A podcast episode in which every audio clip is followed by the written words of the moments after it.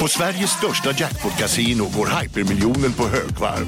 Från Malmö i söder till Kiruna i norr har hypermiljonen genererat över 130 miljoner exklusivt till våra spelare. Välkommen in till Sveriges största jackpot-kasino, hyper.com. 18 plus, regler och villkor gäller. ska några små tassar flytta in hos dig. Hos Trygg Hansa får din valp eller kattunge 25% rabatt på försäkringen första året. Läs mer och teckna djurförsäkringen på trygghansa.se. Trygg Hansa, trygghet för livet. Psst, Känner du igen en riktigt smart deal när du hör den? Träolja från 90 kronor burken. Byggmax. Var smart. Handla billigt.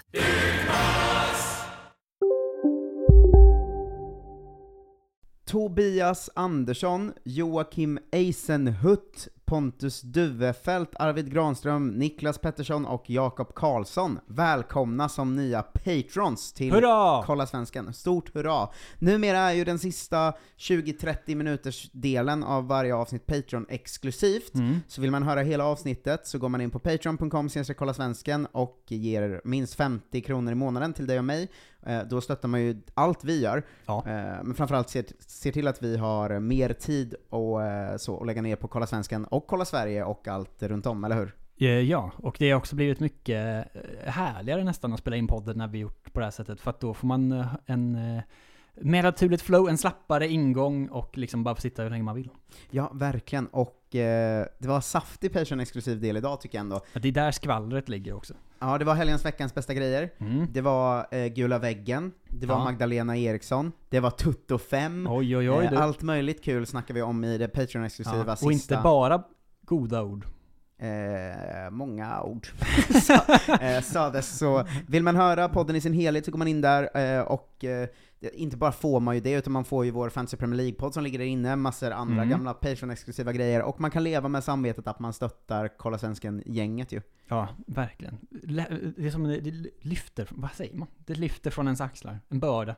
Jag kan inte säga uttrycket. Det vi har poddat verkligen. för länge nu. Jag tycker annars i mitt li- sitt liv, om man har tid över, så tycker jag man kan lyssna på Världen runt i Tengvalls kök. Ja men tack. Där du tack. lagar mat. Ja, Eh, typ varannan vecka kommer ut. Ja, på, på ett väldigt dåligt sätt lagar mat, men det blir Mm. bra podd av det.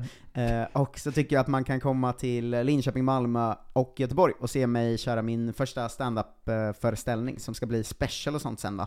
Det kommer bli Ehm, jättebra. Ja, i helgen i Linköping. Se till och kom. Nu eh, kör vi Kolla Svensken va? Äntligen! Vinjett!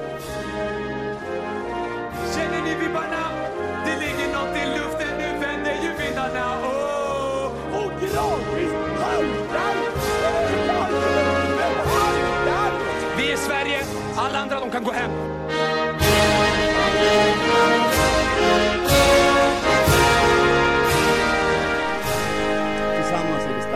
tillsammans är vi jävligt starka. Hej och välkomna tillbaka till Kolla Svensken, Sveriges fräschaste sport och fritidspodd.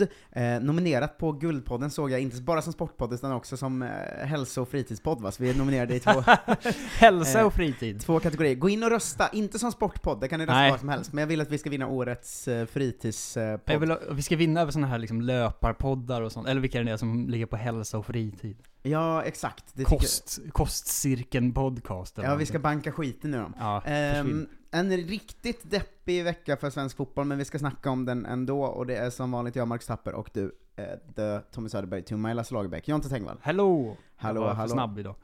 Vilken, för nordisk fotboll överlag, eh, fruktansvärd vecka vi kommer ifrån, men vi får Ja. väl vi får väl bara, jag gottar mig i det tysta åt att det går åt helvete för Finland och Norge som vanligt.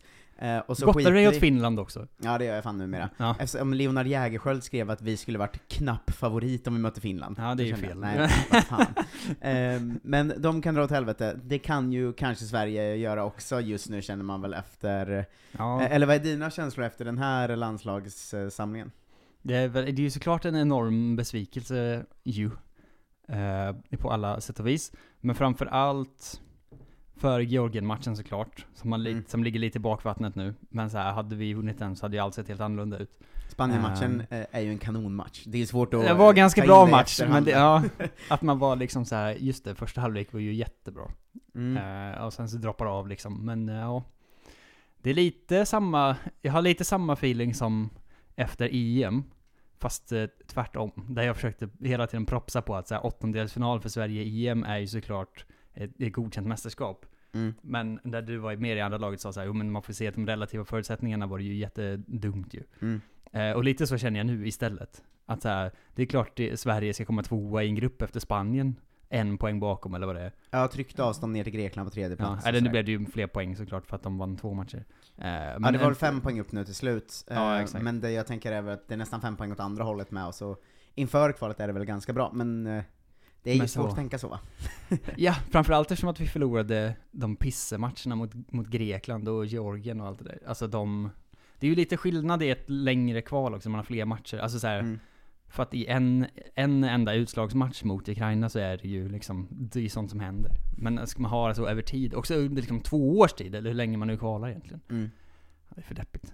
Jag tycker att, eh, vi, vi ska väl återkomma mer till både Georgien och Spanien-matchen och eh, eh, läget just nu liksom. Mm. Eh, men en grej som jag sett eh, flera, eller ganska många skriva på sociala medier och sådär, eh, började eh, småtjafsa lite om det med någon, Roland Ulfzelius tror jag. Ja. Eh, men att den, det finns en liksom eh, take nu som är så här att Jannes landslag presterar aldrig när det väl behövs. Och den taken har jag så svårt att eh, köpa liksom. För att nu gjorde vi inte det nu, men visst har vi liksom vunnit, slash kryssat mot extremt många stornationer under Jannes tid. Vi vann Nations League, vi har tagit oss till två mästerskap i rad för första gången någonsin typ, känns det som. Eh, Ja, eller var sen det 2000, 2006, 2008 2008. var ju senast Ja. innan vi gjorde det.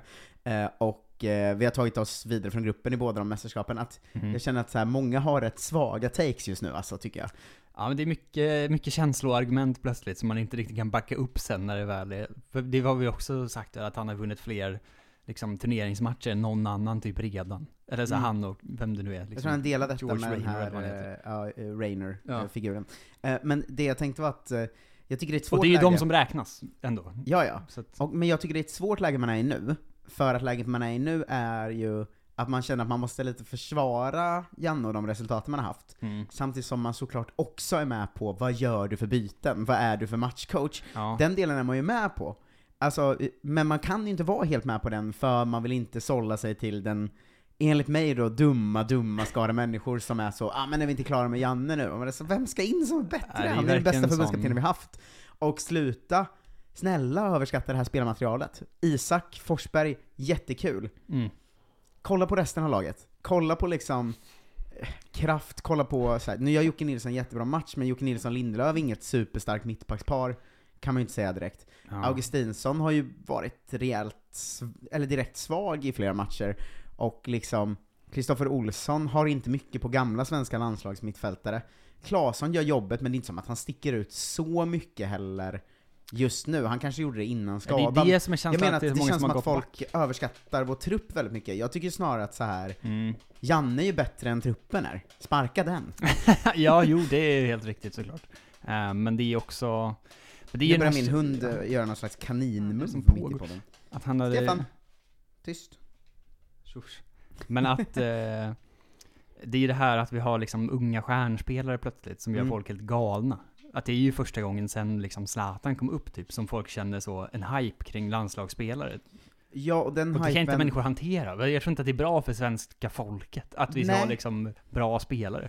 Nej, för att det känns som att folk nu är så här. vi har ju Isak, hur kan vi inte vinna gruppen? Jo, ja, för att han är Alltså, 22. Eller ja, liksom... Ja, har han gjort ett mål i landslaget senaste halvåret? Alltså jag menar det inte... Ja, han var ju inte ens bra mot Spanien, eller så här. Nej. Och det har varit lite, jag vet inte, det har bara varit en, en ton som jag tycker är lite, den är svår att sätta fingret på, men att jag skulle säga att jämför du så här, när har vi haft ett historiskt starkt landslag? 2004-2006 va? Hade Ja, vi det är ju det bästa landslag. liksom.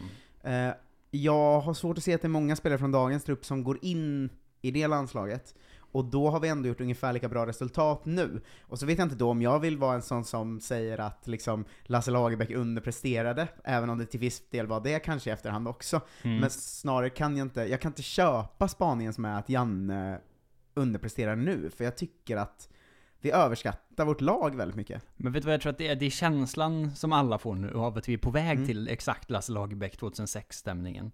Att det är så här.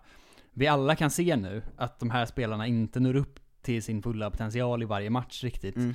Eh, och att då får man sån här liksom PTSD-flashbacks till 2006 och Trinidad och Tobago liksom. Att man är så här, hur kan vi inte vara bättre än så här med de här spelarna liksom? Men jag, jag är så här. Ta ut i förtid.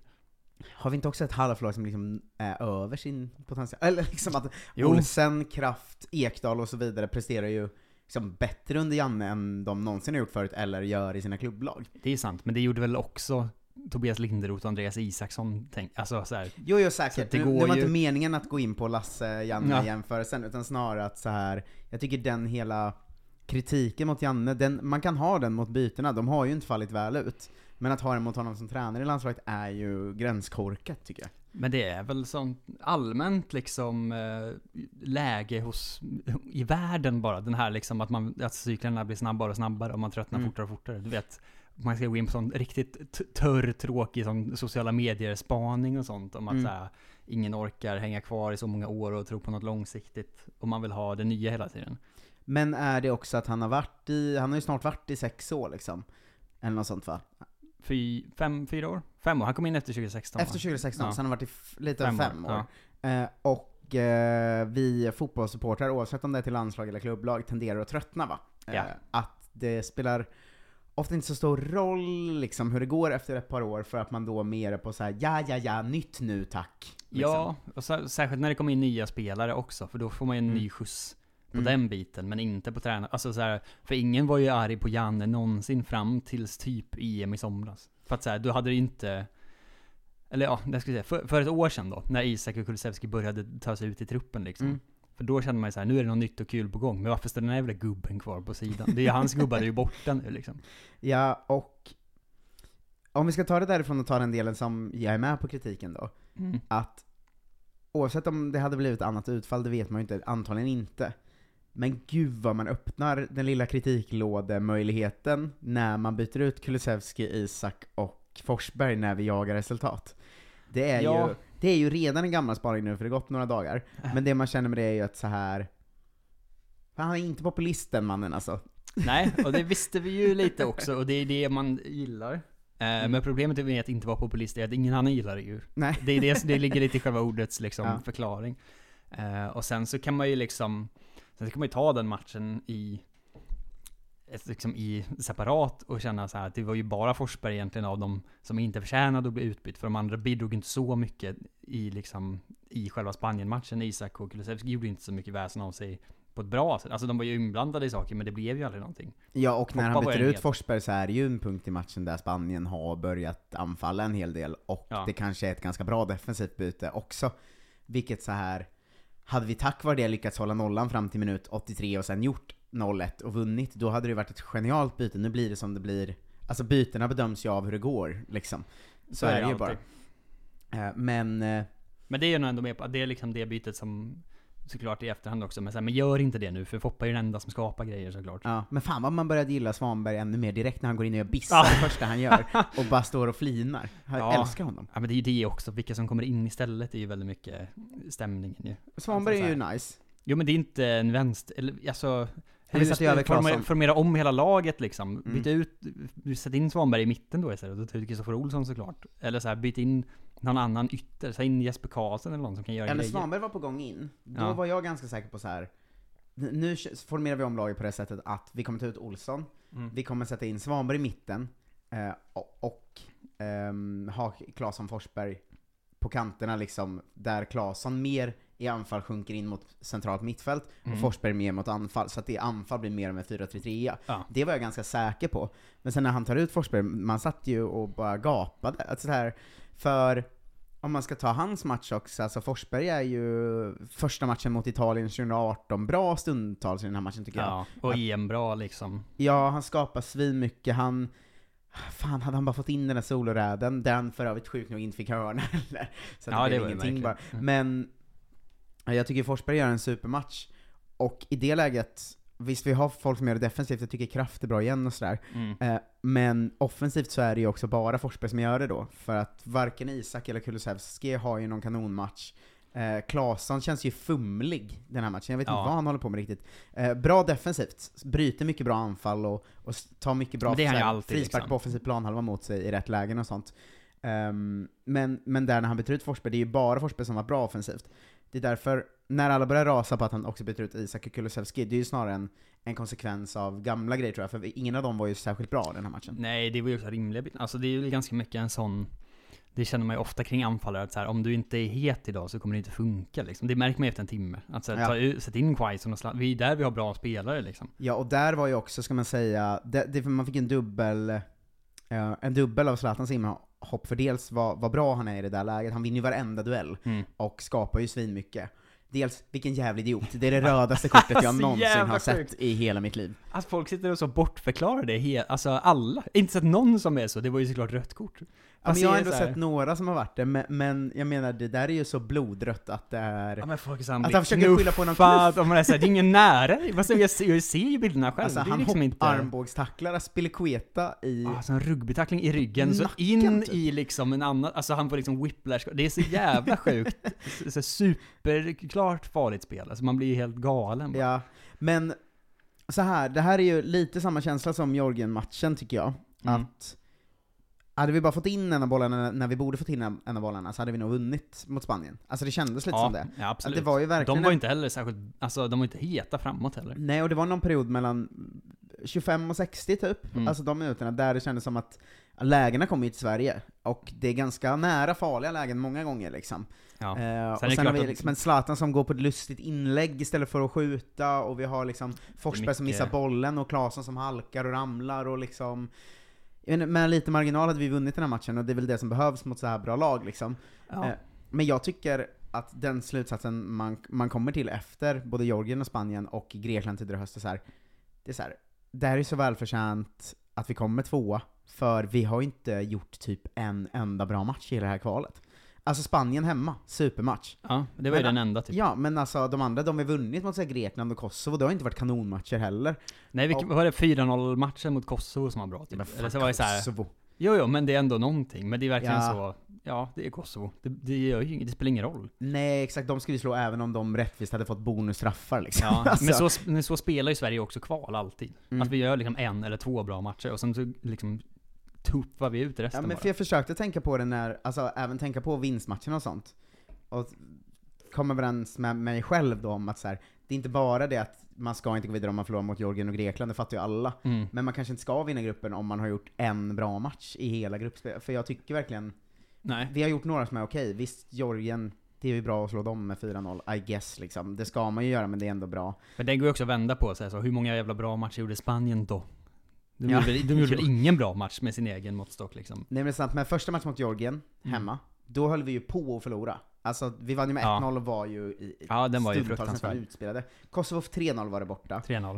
Eh, det, var, det var ju vad det var, alltså det var ingen... Det var, ju ingenting, Zlatan-matchen va? Liksom. Eh, sen kom ju Sverige-Spanien hemma, och där gör vi ju en bra match Ja, den är ju eh, Sen har vi Grekland borta, uselt. Mm. Eh, sen har vi Sverige hemma också 3-0, säger ingen, eller Kosovo hemma, säger ju Mm. ingenting. Sen vi Grekland hemma, de tar rött, det är inget, alltså jag vet inte, de, de tar rött i slutet av matchen i och för sig, men det, det var ju ingenting, vi vann med 2-0. Ja. Eh, Georgien, usel match. Sp Spanien, usel match. Ka- Kan inte minnas senast vi tog noll poäng på ett, en samling heller. Eh, Nej, och inte gjorde mål ens. nej. Eh, men jag menar så här, sett över hela kvalet så är vi ju inte bättre än så här och det får man ju bara ta in. Mm. Eh, och sen att ändå vi har läget som är att med 30 minuter kvar så räcker det med ett mål för att vi vinner gruppen och slår ut Spanien. Alltså det är ju, det är kanon att vi har satt oss i det läget. Ja, det är bra att det lever hela vägen dit ja. Såklart, men, men vi förtjänar ju inte mer och eh, vi tar oss säkert dit på något jävla sätt via playoff ändå. Eh, Ja. Jag vet inte, Vi skulle men, komma till det alldeles strax också. men vi känns inte, vi känns inte så bra, tycker inte jag. Jag tycker inte spel, Det hackar hela vägen. spelplanen, eller matchplanen mot Spanien är ju bra, men jag tycker att spelet är hackigt, många spelare är lite för dåliga. Eh, Kristoffer Olsson igen, nu gör han ju kanske sin bättre match på länge, vilket säger mycket om honom. Ja, det var ändå Eh, för det var ändå en ganska dålig match. Så, ja. Men jag tycker allt är off med honom. Han, han tar inte på sig rätt liksom, frisparkar på offensiv planhalva, utan springer och hoppar runt och vågar inte röra spelare. Han slår inga passningar framåt. Eh, och bredvid honom stackars Albin Ekdal som är, Han är gräns alltid bra. 75 plus den här Ja. matchen. Jag tycker han är otrolig mot Spanien alltså. Eh, men, men det är lite för mycket som är lite för dåligt. Kraft Mm. gör ju sitt livs två matcher nu, och då är han ändå 3 plus. alltså jag menar, Ja. Eh, Augustinsson har ju helt tappat inläggen, han kan inte slå inlägg längre, jag vet inte varför det har hänt. Eh, och liksom, jag känner att det är mycket som... typ Vigge, han gör vissa skitbra saker. Men så här, är det så här, sen kommer den Georgien, dra undan benet, låta dem avgöra Ja, matchen. och så här, det är lite för mycket individuellt skit. Vad är det som händer på Spaniens mål? Varför står hela vår backlinje still istället för att ens försöka ta boll? Alltså det är så mycket som liksom inte klaffar. Varför har vi Martin Olsson som den vi slänger in när en högerback måste gå ut och vi jagar desperat mål? Varför? Jag vet du, du vet, det är så mycket som inte riktigt är där och där jag Mm. känner att vi kanske har överskattat det här landslaget för att det såg väldigt bra ut i två enstaka matcher i EM. Kan vara så ja. Men det är väldigt, ja. Det är väldigt tydligt att det är Emil Forsberg som gör hela laget just nu också. Att det har blivit mer och mer så. Varför får inte han spela med Zlatan? De är ju svinbra ihop. De enda gångerna de har spelat ihop har ju, eh, de har haft extremt fina aktioner liksom. Zlatan funkar ju inte riktigt ihop med de andra i det här laget. Och Forsberg, här kommer min stora jävla oro. Mm. Funkar fan inte så bra med Kulusevski och Isak alltså.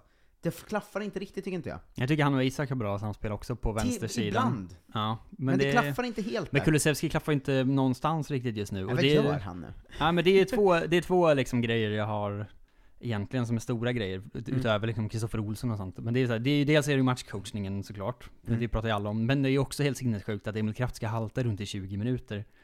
Där vi, när vi liksom har en ny högerback på bänken. Eller då när liksom han har fått vara kvar i en kvart. Att sätta Ja. in en offensiv spelare då såklart när vi ligger under. Vad gör du för någonting? Jag går ner på en treback och sätter in en Ja vad ska vi med liksom. Martin in Olsson Jesper där? Karlsson. Ja, in med whatever. den sista vi har kvar. Ja. Så dels det, men sen är det ju också, har det ju blivit, det är ju inte liksom ett Zlatan-problem i sig, men det har ju blivit en... Det känns inte längre som att Janne vet vilka som ska spela på topp någonsin. För att det Mm. roteras ju i varje match, och det är det enda han någonsin byter ut, det är ju anfallarna. För alla andra spelar ju exakt samma lag jämt. Eh, men där är det olika varje gång. Eh, och det känns dessutom som att det bästa anfallsparet har ju blivit liksom utfasat nu för att det inte är lika sexigt att spela med Quaison längre. För att han och Isak Quaison är ju bäst. Ja. Och sen ska Zlatan in för han är tillbaks, och det är ju liksom fine. Han är ju... Han kan ju spela mot Georgien, det ska ju inte spela någon roll såklart Också egentligen. dumt narrativ, alla de som försöker skylla de här matcherna på Zlatan, för han är ju fan bra på Ja, riktigt. bra. Men det är så här, men det är men det är ju en del av ett problem Mm. som inte är hans fel såklart. Det är ingenting med han att göra. Det är bara att så här, plötsligt så är det så många bra anfallare att det känns inte som att Janne vet vilka han ska starta någonsin. Nej. Men Och- både Zlatan och Kulusevski skulle ju kunna vara bra från bänken. I teorin. Och sen, så här, sen är ju Zlatan inte ett långsiktigt problem, för hur länge ska han spela i landslaget liksom? Ja, nej. Så- Men så här, Kulusevski ska aldrig starta till höger igen. Det slutar vi med nu. Efter Georgien-matchen. För det var fruktansvärt. Men han spelade spelade han på kanten då? Ja. Ja, det var alla tre ja. Från start, det var det va? Eh, Bedrövligt allting. Ja, men det, men det har vi också insett. men det går så, inte. Det var Janne som sa det, fast vi alla ville att han skulle spela på högerkanten. Att så här, det funkar inte. Nej, det, det går inte. Nej. Eh, och just nu, i den formen Kulusevski är i nu, han ska inte starta. Nej. Oavsett att han är en världstalang och eh, en av våra stora framtidsspelare. Han är inte tillräckligt bra nu ju. Det, sy- det syns ju, han är ju feltajmad i varenda grej han gör mot Spanien känns det som. Ja, Eh. jag tycker synd om Robin Quaison på riktigt. För han är ju liksom, han har ju varit bäst form hela kvalet av alla anfallare. Ja men det är det, fortsätter han... Vi kommer ju spela Men någon träningsmatch inför kvalet. Men han håller ju också på att skjuta ut sig nu genom att flytta till Saudi och sånt. Alltså Det så här- här, han- istället för att vara 40 så är det Som liksom bäst sen han flyttade till Saudi. det. Ja, det är också märkligt såklart. Eh, Men, men jag menar, vi kommer ha någon träningsmatch inför kvalet. mm. Spelar Quaison och Isak i den, funkar det fortfarande lika bra. Starta med dem, släng in Zlatan. Det är ett kanonvapen att ha. Ja. Och Kulusevski, alltså de har ju så himla olika roller på planen också, Ja. Zlatan och Kulan. Men sen är jag också så här. fan, Claesson till höger, Zlatan, Isak där fram och Forsberg till vänster. Kan vi inte ge det en match då? Varför att vi, när vi väl ska starta Zlatan, startar med Kulan till höger, och han kan ju inte spela där. Nej. Alltså, för att Forsberg och Zlatan, det syns ju att de fattar varandra de få jävla minuterna man hunnit se dem spela ihop. Ja, men för att de är två fotbollsgenier liksom. Ja, exakt. Och Isak till och från också, tycker Ja. jag. Sen tycker jag tycker att han och Forsberg kommer lite... Det är som att han har inte samma- hela tiden. Men han har liksom. inte samma, riktigt den nivån av fotbollshjärna Nej, han passar liksom. lite åt fel håll och sådär Ja. ibland. Men de tre ihop hade jag ju velat se en riktig chans till. Ja. Liksom, inte med en Kulusevski som, som ska in och blanda i sig. ja, nej, men det är ju den liksom för mycket, för mycket grejer på en gång Mm, känns det ex- alltid. exakt Det är så. bättre att då ha Claesson som bara gör sin grej. Alltså, ja, och så- som kan sjunka lite när de tre andra går framåt. Ja, liksom. springa på kanten och slå inlägg och sånt. Eh, exakt. Och så bra det hade man ju velat se. Och sen så är det ju det du touchar på där. När vi har tagit ut Daniel Sundgren. Nu har vi tagit ut honom, eller hur? Som Ja. backup till högerbacken. Han har också en ganska bra klubblagsperiod, nu blir väl utsedd till grekiska ligans bästa spelare den här månaden. och Sådär. Eh, när han är uttagen och sitter där på bänken, hur kan vi slänga in en ganska dålig 35-årig Martin Olsson på fel... Alltså, jag, Han kan ju inte göra någonting som högerback såklart. nej, och han spelade väl inte det riktigt heller, för han gick ju in till någons vänster... Jo men oavsett vad, alltså, dels, dels vänta så länge och dels sätta in fel gubbe då. Ja men vad fan är Sundgren med för då? Nej, och så känner man ju med många spelare i, alltså så- oavsett. Ja, Varför Ja, har du mm. en stor trupp om du inte vill använda någon av spelarna? Det spelar ingen roll att liksom Kajus heller med. Nej, nej. Och nu, jag vet inte, jag, jag starta bara Svanberg eller Kajus nu, för jag orkar inte se Kristoffer Olsson spela mer nu. Nej men det kommer de aldrig göra. Jag, jag fattar inte, varför är de med då? De är ju bättre, så här om Olsson nu hade varit jättebra i lands, landslag, Ja. så var det ju länge en grej med till exempel så här Seb Larsson. Mm. Alltså vi har spelare som är Ja, bättre i exakt. klubblag, men Seb har varit så jävla bra i landslaget så det är klart han ska starta där. Nu är ju situationen, vi har spelare som är mycket bättre i klubblag, som i Svanbergs fall också spelar i ett klart bättre klubblag. Ja. Och är bättre varje match. Och då har ju Olsson också varit sämst på plan i landslaget i ett år. Hur kan inte Svanberg starta före då? Det är ju fan ett mysterium ju. Nej, och tänk då på att det är fortfarande, att det liksom, det ska ju komma tillbaka sån här jävla, alltså Marcus Danielsson ska ju tillbaka in i startelvan snart också. nej alltså du vet. inte. Jocke Nilsson var fan också bra tyckte jag. Ja han var bra, han var ju, det var ju lite så, det kändes liksom debutnervös svajigt lite grann, men det var ju Mm. ändå, eller debut var det kanske inte, men det var det andra, Ish. tredje matchen typ liksom. Ja. Tävlingsdebut var det väl i första i alla fall. Eh, så att, ja. Nej, det är ju lurigt. Men det är ju ett problem då att de måste hela tiden, att Lindelöf spelar ju alltid, men det är olika, varje landslagsuppehåll så är det en ny back bredvid honom. För att det här landet är skadad och Danielsson är i Kina och allt vad det är liksom. Ja, och... Eh, fan, Lindra och Danielsson, alltså jag gillar inte det. Nej men Danielsson ska ju inte vara med någonsin igen, det vet ju alla såklart. Alla som har sett fotboll någonsin. Det var ju bättre då att Milosevic och, äh, var, äh, Holmén, de är ju bättre än Danielsson båda två ju. Ja, jo men det är vi alla. Ja, men det kommer ju, men han kommer ju än ändå hoppas in direkt liksom. Det är Ja. någonting med den här lojalitetsgrejen som är svårförstådd ibland alltså. Ja, Och sen tror, kan man ju prata om gruppdynamik och sånt, men det är ju omöjligt att veta. eh, det är lätt för de som lyssnar tror jag, eh, att höra att det är något av ett bittert avsnitt idag. Men man, Ilska i rösterna. Det är ju också det här att man, man vill ju inte känna den känslan, men det, man börjar ju också tröttna på Janne. Alltså det kommer, de här liksom grejerna kryper in igen. Hela tiden. Ja, och det är väl som vi sa i början där, att det handlar om, eh, det handlar om tid liksom. Att, Mm. ja, nu, nu har vi haft honom så pass länge, att då kommer vi börja tröttna. Det, det bara blir så liksom. Dels, och är det att det att det nu första gången börjar kännas som att det inte är liksom, få ut max av all, om de resurserna vi har. För första Ja. gången under hans fem år typ. Ja, jo, och då direkt vänder man på något sätt. Eh, Vi är sidade i playoffet, som kommer Mm. Yes. vara först en semifinal och sen en final. Enkelmatcher båda två. Ja, väldigt konstigt system att det är 12 lag i tre typ liksom olika slutspelsträd. Så det är tre, tre platser på 12 lag som ska ut, tas ut Mm. till VM. Eh, exakt, och då, då blir det ju fyra lag i varje grupp så att säga då. Ja, fast man möter ju bara två av dem. Ja, exakt. Man spelar en semifinal i enkelmöte, Mot inte ett- dubbelmöte. Då får vi möta ett osidat lag. Exakt, och sen är finalen fri lottning då. Hemma borta. Ja, hemma borta, och också över en match. Nej, den är över en match bara va? Ja, det är också bara en match. Ja, en match bara. Eh, de vi kan få möta då är Polen. Okej, du kan ge 1-5 på hur bra det kommer gå mot dem. Ja, Polen är ju det svåraste laget i osidade gruppen nu. Vet fan alltså, det finns ett till Tror där jag. tycker jag. Eh, Tjeckien. Polen 1-5 då. 5 är det Eh. svåraste, ett... Eh, fem är o- världsklass, eh, ett är icke godkänt. Men Polen är väl ett 3 plus-lag? Mm, Nordmakedonien, Eh, Det är ju en etta ju. de ska man ju slå åt helvete. Det är ju det sämsta laget eh. Tjeckien, Tjeckien är väl också kanske en trea, tvåa, trea någonting. Österrike, Eh, Två. Turkiet. Två. Tycker du det? Ja. De var ju Typ usla under de var VM. fruktansvärt dåliga under VM. Ja, jo, men Eller det, EM. det visste De ju... var ju sämst i För de som såg. EM-rummet visste ju eh, jag det va? Ja, Inför ja, det är att sant. Det var ju labelat av mig inför turneringen. De är ju väldigt lynniga alltså. Ja, men de är ganska, de känns som de har spelare med hög högsta nivå i alla fall. Mm. Eh, sist ut, Ukraina. Ukraina ja. Nej, nej, nej, nej, nej. Fina Ukraina, men det är också en tvåa typ. Ja, De är inte heller så jävla bra. nej. Eh, de är ju, har ju blivit, på något konstigt sätt blivit vårt spöklag Ty, då. tydligen, det gick så lätt. Men får vi dem igen nu så är det ju, då är det ju panik alltså. Det, Ja. det är ju sista man vill, även fast de är ju sämre än hälften av de andra lagen här. Ja, ja. De är sämre än verkligen. Tjeckien, Polen och Österrike. Ja, jag blev, eh, Det var, jag tror det var, Och Turkiet. ja, ja. Leonard Jägerskiöld var det som skrev på Twitter att så Mm. Sverige är knapp favorit, de enda Sverige är knapp favorit mot är Finland och Nordmakedonien typ. Då kände jag, nej men nu Vi, får vi vi ska ju vinna mot alla de här lagen. eh. Ja men det ska vi va? Ja, Polen är ju liksom, det kanske är jämn nivå som Sverige, ish. Mm. Eh, Men det är ju mest en Lewandowski-faktor, annars är vi nog bättre än alla. Sen går vi väl mot en repris då mot, eh, i playoff mot antingen Italien eller Portugal, som Ja. är två klassiska playoffs va? För oss. Verkligen. Zlatan Ronaldo i liksom en 12-12 match mellan de två. Det är, de, det är ju två bra lag. De andra tre ska vi också vinna mot. Det är Skottland, Wales och Ryssland nu. Ja, Som också är sidade. ja.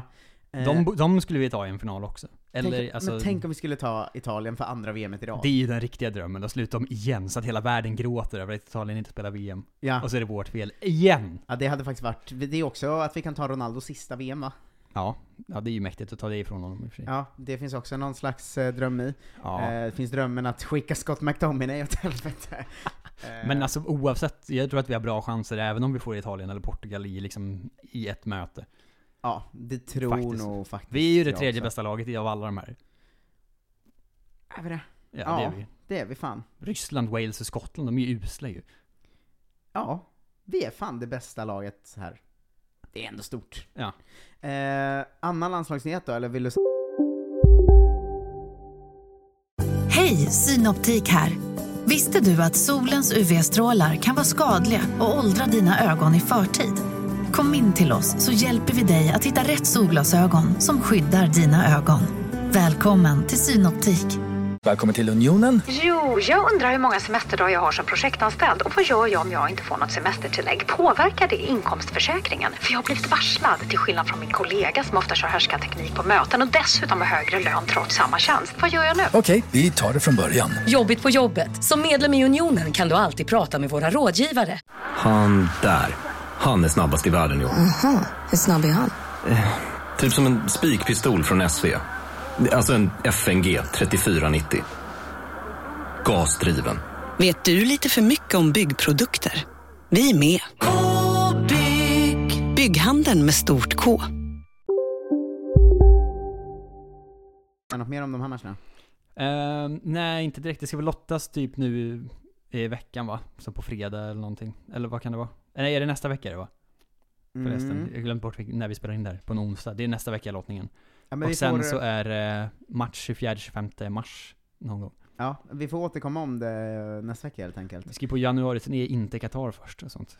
Eh, U21 Någon gång. Mm. har blivit av med sin tränare va? Ja. Eh, eftersom Poya Ashbagi tar över som tränare i Barnsley. Mm. Eh, kul, ändå. Svensk tränare i Barnsley, det är ändå fett på något sätt. De har ett svensk styrelse och VD. Att det var någon som uppmärksammade på att det var liksom så, någon slags football director och någon ordförande. Alltså det var mycket Mm. så, random svenskar som man inte visste om bara. Men ett tränarjobb i Championship är ju svårt, få icke-engelsmän förunnat. Verkligen. Det ska man Framför säga. allt från liksom svenska u Alltså han är inte som att han har stora meriter i övrigt. Nej, och han, han kommer ju som den projekttränaren va också, vilket är ju Ja. hela hans grej.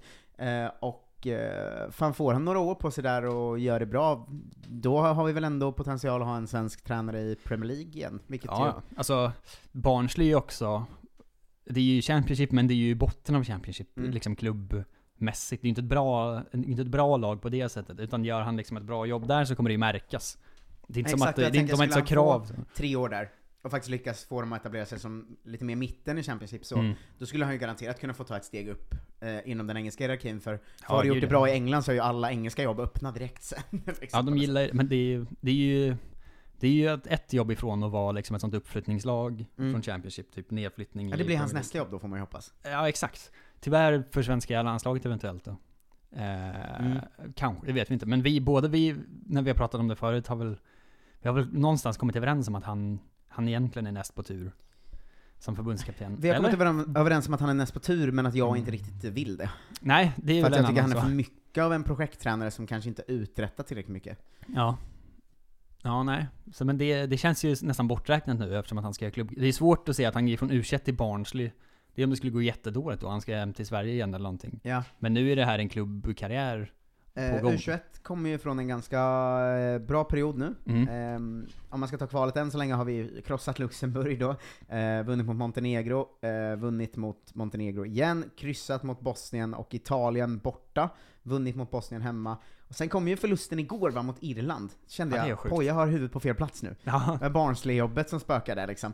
Men eh, det är ju en tuff grupp eftersom Italien är med och det är bara ett lag som går till uh, U21-VM ju. Ja, de, de turneringarna är ju en, omöjliga att kvala in till. Eh, men det som krävs, är, vi har ju Italien hemma i sista matchen, Mm. eh, och det som krävs är ju att vi vinner alla, helt Ja. enkelt. Så, så slår vi Irland hemma nu, eh, i mars då är ju nästa. Mm. Och sen kommer ju de två sista matcherna framåt sommaren, så det är lång tid kvar. Vad är det, Luxemburg Eh, och Italien? Men då är det Luxemburg, den vinner vi ju garanterat för de är bedrövliga. Ja. Och sen kommer det ju faktiskt vara så att det troligtvis då blir så att allt avgörs i juni hemma mot Italien, och vinner vi den går vi till U21-EM. Eh, Ja. Eftersom vi kryssade mot dem borta. En turnering vi gillar i det här landet. Ja, Får man säga. eh, Brinner för, för permanent, för, all, aldrig för stunden. Nej, bara för framtiden. Ehm, men då krävs det väl också dock att Italien tappar poäng någon gång längs vägen, tror jag, för att det ska bli så. Ja, jag har för att inte de är lite för bra. den tabellen på mig, men det stämmer säkert det. Jag ska kolla, men jag är ganska säker på att de har vunnit eh, alla. Ja, de har vunnit mot att Rumänien, de har vunnit mot Irland, de har vunnit mot Bosnien, de har vunnit mot Montenegro. De har vunnit mot Luxemburg. Eh, de har kryssat mot oss hemma då, men vi tappar ju poäng mot Irland, vilket förstörde allting. Ja, det är ju sjukt. Eh, så vi får väl hålla tummarna för, för U21-EM är ju så jävla roligt va? Ja, men det är också bara det där. Det spelar ingen roll. liksom. Nej, nej, men det är väldigt kul. Men det är kul. Det Ja. är verkligen så. Det är en härlig sommar, ett sommarnöje det också. Ehm, det är det verkligen. Men hur, eh, vi kan väl ta den diskussionen, jag såg att du öppnade den lite i, i Facebookgruppen. Ja. Men eh, ny U21-tränare verkar ju vara klart nu, att det verkar bli Daniel Bäckström, Sirius, Mm. eh, tränare som tar steget över dit. Det är också Eh, svårt att veta vem som är bra på U21-jobbet såklart. Mm, han har ju gjort det, skulle säga framförallt spelmässigt fint med Sirius. Mm. Och jag tänker att en, någon som gör det spelmässigt fint är ganska bra för ett U21-lag. Ja. För att det han ska göra är ju egentligen att förbereda dem för A-laget liksom. I spelarutveckling. Ja, exakt. Och att då kunna vara såhär, nu ska vi lära er att spela så att det kommer funka i Jannes landslag liksom. Man ska slussas in lätt på något Eh, sätt. exakt. Och vi har ju faktiskt ett gäng ändå skulle jag säga i, i U21-laget som är inte allt för sjukt långt ifrån att knacka på dörren till, Nej. till A-landslaget. Och det har vi också tagit upp många gånger, att det är en, en otrolig generation på gång dessutom. Ja, den, men den, eh, den, den, är, den är ju bra på riktigt, eh, höll jag på att säga. Ja. men, men så här om jag skulle kolla startelvan senast, att så här, Emil Holm är inte långt ifrån att ta plats som högerback. Det är jag ganska säker på. Första Eh, platsen till och med. Ja, ja, typ. Kraft har inte så många år kvar. Andra platsen framför allt, men första platsen är inte så långt bort heller. Nej. Eh, mittbackarna, vet fan, där, det går inte veta vad Janne tänker. Men jag menar såhär, Pavlevagic och, eh, och så och de andra är ju inte långt mycket sämre än liksom eh, Marcus Danielsson är. Nej, men där Eh, har vi ändå många alternativ. Ja, det det har vi ju. Eh, Bilal Hussein ser ju väldigt fin ut som central mittfältare i, AIK och i landslaget. Ja, han så är ju han 21-kapten och komma ut lite i Europa kanske och sådär, så tror jag att där har vi en som spelar i landslaget inom några år. Ja. Eh, Patrik Wålemark tror jag, eh, nu slänger jag ut eh, ett nu slänger jag ut ett, ett sånt metspö i vattnet här va, och ser om det nappar. Jag tror att han gör A-landslagsdebut nästa år. Ja. Det är en vågad chansning, men jag tror det. Vad är det för position då? Eh, han är i positionen anfallsytter, men har, kan ändå spela yttermittfältare. Har Mm. gjort både eh, i U21 och eh, lite halvt mer tillbakadragen roll i Allsvenskan, även om han mest har varit ytter eller anfallare där typ. Ja. Men så kan han spela både anfallare och ytter. Eh, och är ju så djävulens bra just nu. Ja. Eh, kommer ju gå utomlands i, till Serie A, snackas det om, i vinter också. Eh, jag tror att han gör landslagsdebut nästa år, om Ja. en som kanske bara något inhopp eller sånt. Men det tror jag. Minns spaningen om Marcus Danielsson allihop. Ja, den var ju först i, när han var, när han hade gjort det bra i Djurgården i en dag, så sa jag han kommer Ja. spela landslaget inom tre år, och så gjorde han det. Så det, den ska vi minnas. Mm. Ehm, vi har ju, um, utöver det, Tolinsson i försvaret, som Ja. om han får speltid, det beror ju lite på det, men han är duktig som fan. Karl också väl? Eh, Karl, Ja. såklart, vänsterback. Sen har vi ju Elanga, eh, som ju verkligen tassar på dörren, känns det Ja, som. men också många att Eh, slåss mot. Sen har vi ju Rami Al-Haiva, som är fan Ja. svinbra, man glömmer bort honom. Ja, för att han har mest varit sån svensken skämtfigur nästan. Ja, Eh. Men absolut ju. men är ju också väldigt bra liksom. Så att jag tror att det är många här, det är ett spännande jobb för den som får komma in och ta över, för vår U21-kull är ju riktigt bra. Ja, och jag tror att du har rätt i, kan, inte nödvändigtvis i liksom spelarnamn, men idén att vi kommer ha en eller två som debuterar i A-landslaget nästa år. Efter Mm. kvalet är färdigt och sånt ju. Wålemark och eh, Emil Holm debuterar Ja. nästa år. Jag kan tänka mig att Elanga får också speltid nästan, i någon träningsmatch. För Mm. att, Kanske Erik Karl också, om han fortsätter göra det så bra i Danmark. ja, men det är ingen av de här som är... Martin Olsson är väl fan inte kvar länge till? Nej, men jag tänker Wålemark är väl januari-turné aktuell om inte annat. Alltså vissa av dem spelar i Jo men Sverige. då, det räknas ju såklart inte. Nej nej, men det är ju ett bra steg på vägen. Alltså Mm. om spelar man där så är man ju mycket närmare landslaget sen. Ja, jo han kommer ju vara med i januari-turnén om han inte redan gått till Italien då. Ja, just det, det är Liksom. sant. För det ryktas väl att han försvinner direkt i januari nu. Och vilka andra spelar i Sverige och de här då? Eh, Bille Hussein Ja, han I, kommer ju eh, vara med där säkert. AIK. Annars är det Eh, många i Danmark sånt skit i. det är ju- Carl. Gustafsson i Kalmar. Jag vet inte hur aktuell han är för A-landslaget och central mittfältare ju. Nej men alla är ju Eh, aktuella en januari. Alltså det är ju bara de som är bäst i Allsvenskan typ, och Ja. i Norge. Men det är problemet är ju att eh, de är i Norge nu ja. Daniel Mm. Svensson, han vänsterbacken i Nordsjälland och sånt där. Ja. Ja, danskarna är ju, kommer de är ju inte aktuella för Nej. januari heller. Pavle Vagic är ju med i januari, han spelar ju i Rosenborg. Ja, det kommer ju ut, men det kommer ju vara... Så han kommer ju vara med. Ja, det är ett gott gäng där också. Det är ett eh, gott eh, gäng, det Men är ja, det verkligen. vill du ha tränar, eh, tränardiskussionen? Eller Ja, vad förbundskaptensidén Vad som var jag hade? tanken var, Janne kanske någon gång ska försvinna, vem kommer ta över eller? Ja men man, man, det gäller att hoppa på smidande järnet är varmt va? när folk är som mest arga på Jan Andersson Mm. och vill ha in någon ny, och att då Poja, då räknar jag bort Poja i idén som vi ändå kände var den tydliga favoriten. Och så här, vilka finns kvar, vilka är aktuella, vilka finns kvar Mm. att ta över eh, i landslaget sen? Och så slängde jag ut några namn själv, de enda liksom svenska tränarna jag kom på höll jag på att säga. Alltså Mm. så här Norling och Rydström och Gustafsson och sånt. Eh, som väl är ändå högprofilerade svenska eh, tränare. Rydström inom några år är inte en alltför dum gissning tror inte jag. Ja. Eh, väldigt hypad, eh, har gått in och eh, gjort underverk med ganska dåliga spelarmaterial och så vidare. Norling känns som att det var lite för länge sedan nu som han faktiskt presterade någonting. Det är sant, men man ska också betänka att det här kommer ju vara åtminstone om två, alltså det är ju Ja, tre år, 20, Norling- 2024 typ efter Skulle EM. Norling nu gå in och göra det svinbra, ta något guld med IFK Norrköping och sådär, då skulle han ju vara aktuell för han har tagit guld med Malmö, AIK och IFK Norrköping i så fall. Och det är ju ingen annan tränare som har gjort sådana stora grejer i Allsvenskan. Jag kan ju också tänka att han är han är ju inte heller jättelånglivad överallt, så han kanske inte är kvar i Norrköping vid det här laget. Han kan ju ha gått och vunnit någon annanstans. Stor, ehm, stor potential i att man pratar ju alltid om att ersättaren ska vara en eh, motreaktion mot den innan också. Ja. Eh, där det är tydliga exempel med Lasse Lagerbäck, Erik Hamrén och Jan Andersson, där det är tråkgubbe, eh, galen gubbe i scarf, tråkgubbe. Vi behöver en ny Eh, galning. Och eh, då behövs väl en profil, och Norling är väl eh, kanske den profilstarkaste när det kommer till att vara lite lustig liksom. Ja, det är han ju. Men även progressiv på många sätt, precis som Mm. Rydström är liksom. Det är ju dels en image-grej, dels en 4-4-2 och någonting annat grej. Ja. Jens Gustafsson är ju väldigt omtyckt, men främst som talangutvecklare och eh, sportchef-rollen av managerrollen, alltså försäljare och eh, övergångsking liksom. Eh, svårt att Det se att han skulle landslag. vara landslagsaktuell om han inte går och vinner titlar i någon annan klubb nu. Ja. För att han har ju egentligen aldrig uträttat något i resultatväg.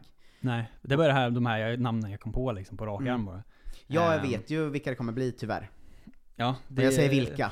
Det är, det, det är en, en ledtråd så god som någon och det är flera som har ropat på det också. Ja, det kommer ju bli Kim och Tolle. Vilket är Eh, mörkret. Om de fortsätter som nu. Det finns en chans, eh, risk, beroende på vilka man håller på dem, men att de tar SM-guld med Djurgården i år igen. Mm. Eh, de ligger bra till i guldracet, och då har de tagit två guld på tre år med Djurgården. Eh, med ändå... de har inte en Malmö-bredd på trupp och sånt, och de har ju knappt en anfallare i lag. Alltså det, det är Ja, bra det är gjort bra- liksom. det är bra jobb. Eh, och Ja, det är, det är meriter som nästan ger landslagsjobb direkt tror jag. Och eh, tror inte ledningen är det- också är har- lite så här Har de gjort någonting annat då? två SM-guld på tre år, behöver behöver Men behöver något annat jobb De har tagit upp Sirius. Ja. Eh, hela vägen i princip också. Ja, jo, Ehm, så att jag skulle säga att de har två rätt starka meriter. Mm. Och jag tror inte landslagsledningen är så, fan kommer ni ihåg Lars-Tommy? Tänk att ha två igen. Kim Tolle. Ja, kanske. Det är, en, det är ju en sån eh, Olof Lund-insikt nu som jag har hört, att det, det stormar ju väldigt mycket i förbundet självt, så att det är inte Mm. helt tydligt om vilka som kommer vara kvar ens snart liksom. Eh, Så man ska väl vädra ut det också egentligen, men det är svårt att veta vad det blir av det liksom. Fan vad det kommer bli nazistskämt om de tar över efter eh, Ja, ja, gud Det, det, eh, intervju i Men det ligger ju också verkligen dem i fatet får man ju säga. Alltså en sån grej tror jag, det har gjort så mycket image-skada ändå för folk generellt. Just det, det- om det var någon som missade det så var det alltså en intervju i våras där Kim Bergstrand råkade, känns det som, haspla ur sig att eh, eh, det kan finnas bra ledarförebilder överallt. Till Mm. exempel, mycket kan man säga om Hitler, men han var en bra ledare. Ja. I princip var det så. Dålig sak att säga, Jag liksom. parafraserar. Ja. Men det var en väldigt eh, klumpig sak att säga. Som Ja. framförallt ingen trodde ju att han menade det på riktigt. Men gud vad han öppnade upp för minidrev och hån. Liksom. Ja, och jag tror inte att det är... Om det är något förbundet behöver också så är det ju inte... Nazistskandal. Nej, det går inte så bra just nu heller. Jag tror att de vill ha någon som är mediaslipad också. Eh, vilket de Mm. kanske är i övrigt, men liksom, det är ju dumt att ha det med Ja, de sig är då. inte riktigt så, för de är ju så- också sådana som, om de förlåter en match, är rätt otrevliga på presskonferenser och lackar på journalister och sånt. Ja. Jag tror inte riktigt det är i linje med landslaget, nej. Nej, då är det nästan bättre att vara liksom Norling-galen. För att det är så här, det betyder ingenting längre. Får jag slänga ut en? Ja. Vad säger du om det här? Åge Hareide. Ja, det har också nämnts i den här det? Facebook-tråden. För någon- han någon tror gång. jag skulle kunna bli aktuell. Ja, för att han... Han skulle eh, nog få frågan, för han har gjort det han gjorde med Malmö, och har ändå ett, en hel del andra stora tränarjobb. Och var bra i Danmark dessutom. Eh, får man inte heller glömma, innan Kasper Hjulman Ja. kom in. Eh, så han har också landslagsmeriter. Och har varit i Sverige. Det är mycket ändå som klaffar. Ja, han känns eh, näst, gränsar till klippt och skuren för att i alla fall få, få frågan, tycker Ja.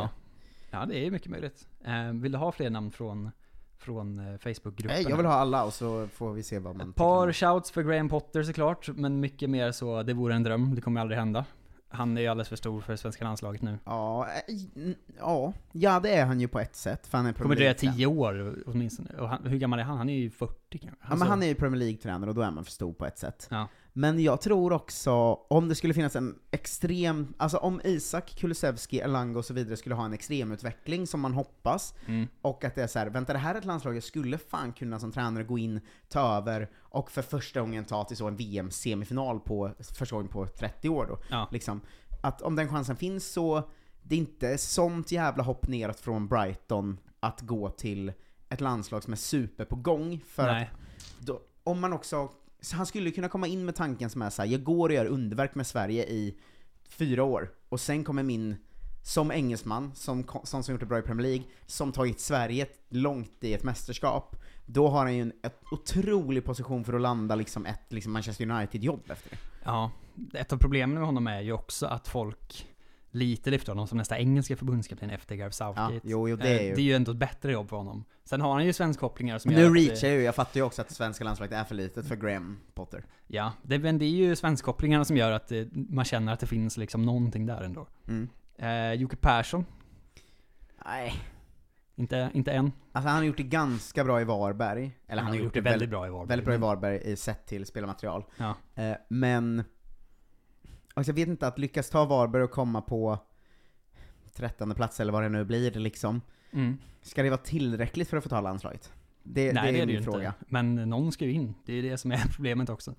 Ja, ja, någon ska in.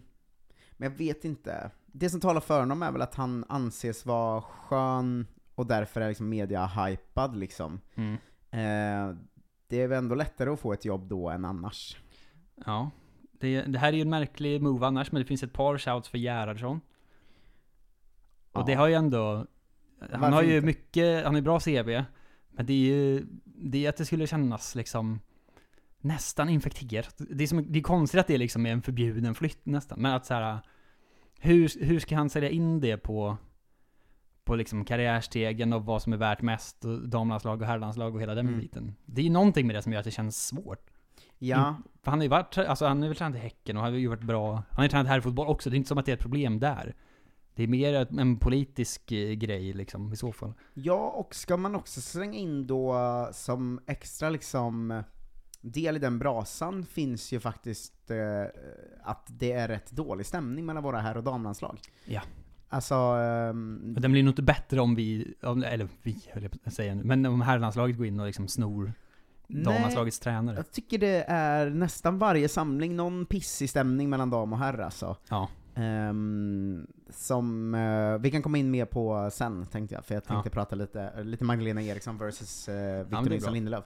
Eh, men, ehm, ja det hade, nog, det hade nog inte sett så snyggt ut liksom. Nej, och jag tror att han kanske är för smart för att göra den, i alla fall den direkt. Han borde göra någonting annat emellan i så fall.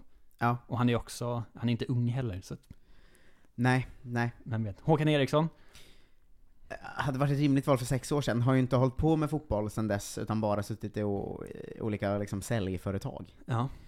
Det känns ju lite märkligt nästan. Ja, Pia Sundhage bollas ju alltid upp, men det känns ju också... Hade varit så jävla inte. coolt. Fy fan vad coolt Det är också varit. typ för sent nu. Ja, jo, hon, ja, hon är Eh, 92 tyvärr. år gammal. Alltså verkligen. Jag vet inte vad hon gör längre nu för tiden ens. Ska jag bolla in ett sånt namn till då? Ja. Alltså ett damnamn till, Jonas Eidevall. Ja, det var också här någonstans. Det är också med där någonstans. Han har ju ändå tagit Arsenals damer upp till serieledning nu, Mm. gör det ju svinbra där, eh, och är ju en svensk tränare liksom. Ja. Det är väl klart att om han fortsätter göra det bra i, i ett av, som ändå kommer vara ett av världens största damlag då de närmaste åren, om Mm. han fortsätter göra det bra där, säg tre år till, och Jannesen ska gå av, visst är det inte omöjligt att vi säger, vänta nu, vi har ju eh, ett av världens bästa damlags tränare som gjort succé i tre, fyra år här. Ja. Eh, Den, den potentiella framtiden finns. Men frågan är om inte han istället tar över efter Gerhardsson nu i så fall. Som väl också inte heller sitter hur många år till som Ja, helst. men tror du att vi skulle ta Gerhardsson till... eh, Nej men han kanske bara är färdig snart. Alltså, han har väl ändå varit där ett tag. Inte superlänge, men Ja, ja, men också ja tror jag, att då Gerhardsson, han skulle ju också kunna vara där liksom sju år till. Ja, Hur ja, mycket kanske. annat har han på gång just nu menar jag jag? vet inte, jag vet inte hur gammal han är heller. Han ser ju svår, svår åldersbedöma Peter Gerhardsson ändå. Ja. han måste ju vara 50 Ja, någonting. det, han är faktiskt svår att åldersbedöma. Eh, Jimmy Tillin, det är ändå ett par stycken som har ropat på honom. Mm. Ja, han har gjort det bra i Elfsborg, han hade gjort det bra innan också. Eh, finns väl... Är det inte samma som med Janne då? Att han Mm. skulle behöva ta ett guld med Elfsborg och sen komma? Någonting mer behövs Janne kom ju efter guldet med IFK. Ja. Och det känns lite som en sån skulle behövas för Jimmy Tillin också först. Ja. Ja, Det, absolut. krä- det krävs ändå någon slags jävla supergrej för att bli landslagstränare på något sätt känns det ju som. Sen är problemet att vi inte har så många som har en supermerit. Nej, det är ju det. Det är, det är verkligen tunt på toppen om man ska ta Ja, därifrån. jo. Ehm, Svennis har ingen slängt. Svennis 80 år gammal. Ehm, vad hade vi? Fan, tänk om Svennis till slut nu skulle ta svenska landslaget efter alla dessa år. Ja, jag har ju varit efter Filippinerna. Alltså, Ja, verkligen så. Hade, jag, hade, jag tror att jag hade brunnit för det faktiskt, om jag känner mig själv rätt. Ja. Det hade säkert gått åt helvete, men i början hade jag brunnit. Sen är det flera som vill ha någon slags utländskt alternativ, typ liksom Ove Rössler. Han har jag hört flera som pratar om också, att han är ändå högt men det känns så himla avlägset. Ja, det senaste han gjorde i svensk fotboll var väl att liksom halvt misshandla spelare i, i Malmö och sånt? Ja, eller hur? Att det blev liksom en stor grej av att han liksom så psykiskt och fysiskt misshandlade Frans Brorsson eller vad det var. Ja, och öppnar man dörren för liksom utländska tränare på det sättet, då känns det som att det, då går det inte att diskutera längre, typ, för det är så många att välja på. Ja. Det är ju mer Potter, Hareide, Stuk, alltså de som är nästan är så neutraliserade svenskar som är aktuella i så fall. Ja, ja. Ehm, sen har vi ju den, den här, det spåret att gå på en gammal spelare, men de är så jävla dåliga allihop. Är inte det sanningen då? Att de Henke tre år Ljungberg, finns- Mellberg. Eh, Just nu görs det väl succé i division 1 Ja, det var det jag tänkte på Tobias också. Linderoth, det var va? det enda, för ingen nämnde honom någonsin, och så var jag så, han går väl jättebra? Men av de som har blivit tränare som har haft bra perioder, Ja. så har vi ju, ja men Ljungberg som var superhyllad U-tränare då, Ja, det är också långt ifrån. eh, skulle ju kunna vara så här U21-aktuell någon gång i framtiden Han kanske. skulle ju kunna göra den internresan ja, exakt. i Eh, förbundet. Henke skulle kunna vara aktuell för att han är Henke, men han har ju ri- riktigt svag tränargärning. Men jobbar inte så sig. heller riktigt va? Nej, men skulle kunna göra Han det måste för ju vara första bra gången. på någonting först. Skulle kunna göra det för första gången kanske. Jag har, det Mardröms, låter inte helt... eh, Mardrömsåret med Henke Larsson som förbundskapten. Ja. Det är ju inte längre än så alltså. Nej, och eh, Mellberg har haft en bra period i BP, inte mycket mer än så. Han, han tränar väl inte nu, han är väl bara expert nu typ. Alltså, jo men såna- exakt, men han har jag menar vilka som har haft en bra Mm. tränarperiod nu då. Tern vill ju också folk ha, men jag, eh, får han ens komma in på liksom arenan när det är landskamp? kurs. Sen, ja det tänkte jag också, sen funderar jag på om det är olika. Han kanske är Uefa-licensierad, bara inte liksom har liksom allsvenska krediteringar, vad vet jag? Det kanske är olika grejer, men det känns ju också som att det är långt ifrån. Hör det här då. Ja. Kommer in som någon slags hjälptränare inom ett år klättrar inom förbundet, tar över, gör succé. Oskar Hiljemark. Han är ju ASS-tränare i Ålborg nu.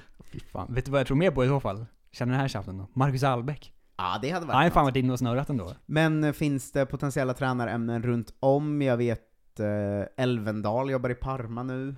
Mm. Ehm, är ju målvaktstränare i grunden, men har haft fasta situationer och annat och har väl säkert någon slags tränarambition där. Ja, typ Eh, Wettergren kanske kan gå in. Alltså, det är en sån Lars Tommy-grej ju. Man kan ju avancera på det sättet också. Fan vad tråkigt att ha Wettergren alltså. Peter Wettergren som svensk förbundskapten. Ja. Det är tråkigt. Han är väldigt stor snus ofta, men... Det är ju älskvärt såklart. Men annars är det ju inte, det är inte så mycket som är hett alltså. Det är det som är problemet känns som. Nej, verkligen.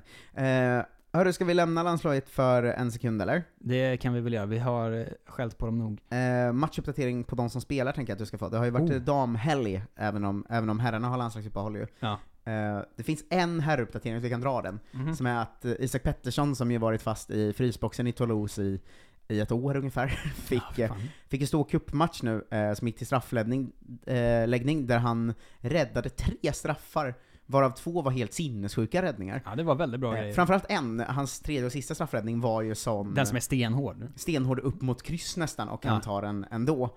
Eh, och eh, det är ju en dundersuccé, alltså det är verkligen...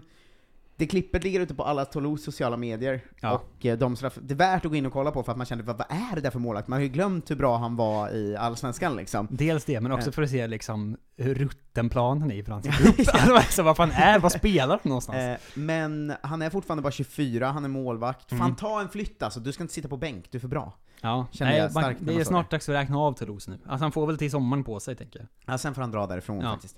Eh, men damerna har spelat, eh, vi har ju svensk lag, Mm. Cypern. Kan du vilka? Ja, vad fan, Apollon Ladies heter de så? Apollo Ladies. Ja. Ehm, fortsätter att dominera liksom ligan. Jag Mhm. tror att ligan är ganska dålig och Apollon är ganska bra. Det är ju Eidevalls legacy ju. Ja, verkligen. Eh, 9-1 vinst då mot eh, Chrysomilia i Ja. helgen. Eh, Matilda Abramo spelade hela matchen, Sofia Hagman startade eh, och eh, byttes ut i 70 och eh, Jonna Andersson eh, stod i mål eh, och... Eh, Inte den. Nej, inte den Jonna Andersson. Han har ju två matcher, en nolla då, eh, ny målvakt här i, i, eh, i Apollon. Ja. Eh, Danmark har vi enligt, det här är enligt eh, Fotbollskanalen Svenskkollen då, eh, så ehm, det, det, där jag, det är svårt att tillskanska sig info om damfotboll. Ja, om man inte är Kolla Svenskan-kontot på Instagram som är dåligt. Ja men det, vi återkommer till det Ja. kontot också. Beatrice Persson har vi i Bröndby, eh, verkar vara den enda i Danmark då, i högsta ligan. Skönt att höra. Borta med någon slags eh, knäskada. Eh, Chelsea är en svensk klubb också, eh, på det Mm. sättet att eh, det nästan aldrig spelar tre svenskar, men det gör ju det i kupperna ibland va? Eh, Sekira Musovic eh, fick eh, eh, stå mot Servette i Champions Leagues gruppspel. Eh, de vann med 7-0 va? Eh, andra nollan på tre matcher eftersom hon får stå i alla de här l- lustiga cup, eh, Ja. eh, eh. Ehm, John Andersson byttes in mot Magdalena Eriksson, så vi hade For a brief sekund där hade vi tre svenskar på plan, men aldrig under hela matchen i, Jag är alltid samma match. besviken på John Anderssons speltid i Chelsea senaste året. Det känns som att hon inte alls är första val längre. Det är Nej. deppigt. Ja, nej det är hon ju inte. Ehm, de vann sen mot City med 4-0 i ligan, Mm. där eh, Magda nickade in ett av uh, målen. En stor då. bragd ändå ju. Ja. Eller bragd, men Bragd. City är ju också, de har ju varit usla i år, men är ju ett, ett av de tre tydliga topplagen. Mm. Men där fick Musovic eh, hoppa in då, med 13 minuter kvar för att det var en skada på, på första keepern. Ja, bra. Hoppas hon är ute länge. Mm.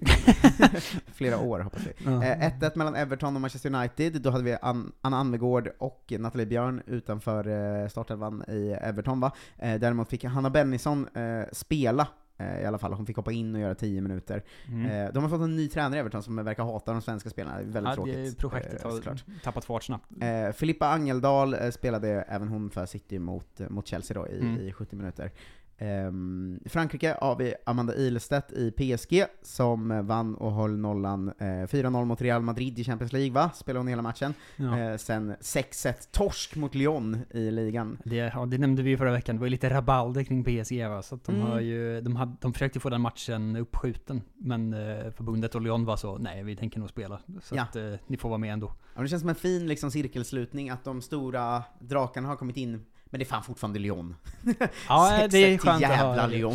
Men eh, det är en snabb update att det, det visat sig kanske snarare handla om någon slags galen ex-pojkvän i det liksom misshandelsfallet. I Hejduk-fallet som vi pratade om förra Ja, veckan. mer än att det var en lagkamrat som var involverad. Men det, Mm. de är ändå, det är inte helt klarlagt än, så att vi får väl se.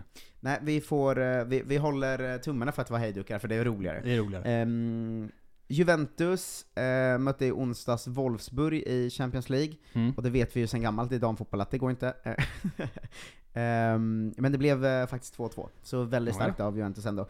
Uh, Hurtig fick eh, bara 23 minuter dock, våran kära Lina, och fick sen starta mot Lazio i ligan. Ett mål, en assist, vinst med 5-0. Sembrant rehabbar fortfarande, och Amanda Nildén eh, var bänkad mot Wolfsburg och gjorde sitt första mål för Juventus mot Lazio. Oj, ja. Eh, Lazio som eh, då är fruktansvärt dåliga. Där De har vi Stefanie. Örström på, eh, som är skadad då, som inte får stå. Ja. Eh, Banusic, Benki Pomigliano, ehm, deppigt. Eh, Elin Landström tillbaka i Inters eh, startelva. Ehm, de vann med 5-0, även de över Hellas Verona. Det är fortfarande det problemet att liksom hälften av lagen är väldigt bra och hälften är extremt dåliga i, i Ja. Italien för att det är en ny satsning där liksom. Men Pogliano var det laget de pratade om, eh, Banco Frändén nyligen. Det har jag absolut Eh, ingen aning Tror om. jag. Som man vill höra någon sån snabb, eh, snabb eh, crash course i, i italiensk damfotboll. Du, du, du, säsongens första mål Yes. för Emily Helmvall i Sampdoria. Eh, fem minuter tog det mot eh, Empoli va? Eh, sen Bra där. eh, eh, blev det, blev det 2-2. Eh, Karin Lundin bänkade i Fiorentina och Seide Abrahamsson, eh, startspelare i Napoli, som torskade mot Sassuolo med 1-0. Ehm, det, det, det är ändå härligt nu, för Italiens liga är ju rak språng uppåt, och typ alla lag har varsin svensk. Det är Ja, det är jättebra. Eh, Kosse är skadad i Real Madrid. Eh, Rolfö har spelat dubbla matcher för Barca. 4-0 vinst mot Hoffenheim och 4-0 vinst eh, mot... Eh, eh, vilka mötte de i helgen? Nu har jag glömt det.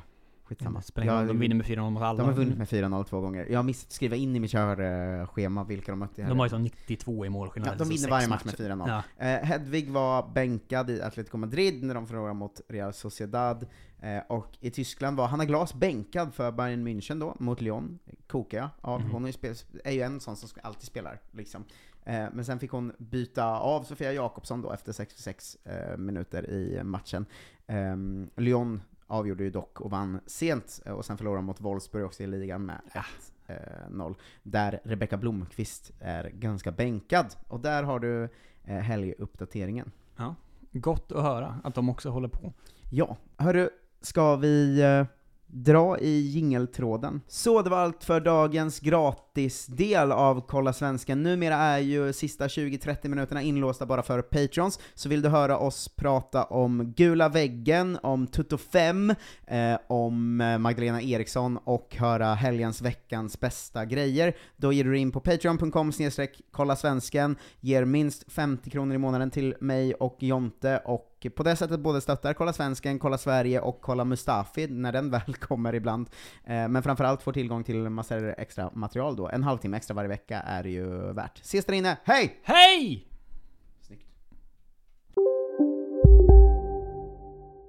Ja, Hallå? Pizzeria Grandiosa? Jag vill ha en Grandiosa capriciosa och en pepperoni. haha, något mer? Med kaffefilter. Ja, Okej, ses samma.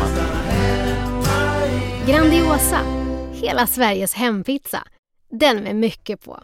Välkommen till Momang, ett nytt smidigare casino från Svenska Spel, Sport och Casino där du enkelt kan spela hur lite du vill. Idag har vi en stjärna från spelet Starburst här som ska berätta hur smidigt det är. Jaha, så smidigt alltså. Momang, för dig över 18 år. Stödlinjen.se. Ah, dåliga vibrationer är att skära av sig tummen i köket. Ja! Bra vibrationer är ett och en tumme till och kan scrolla vidare. Alla abonnemang för 20 kronor i månaden i fyra månader. Vimla! Mobiloperatören med bra vibrationer.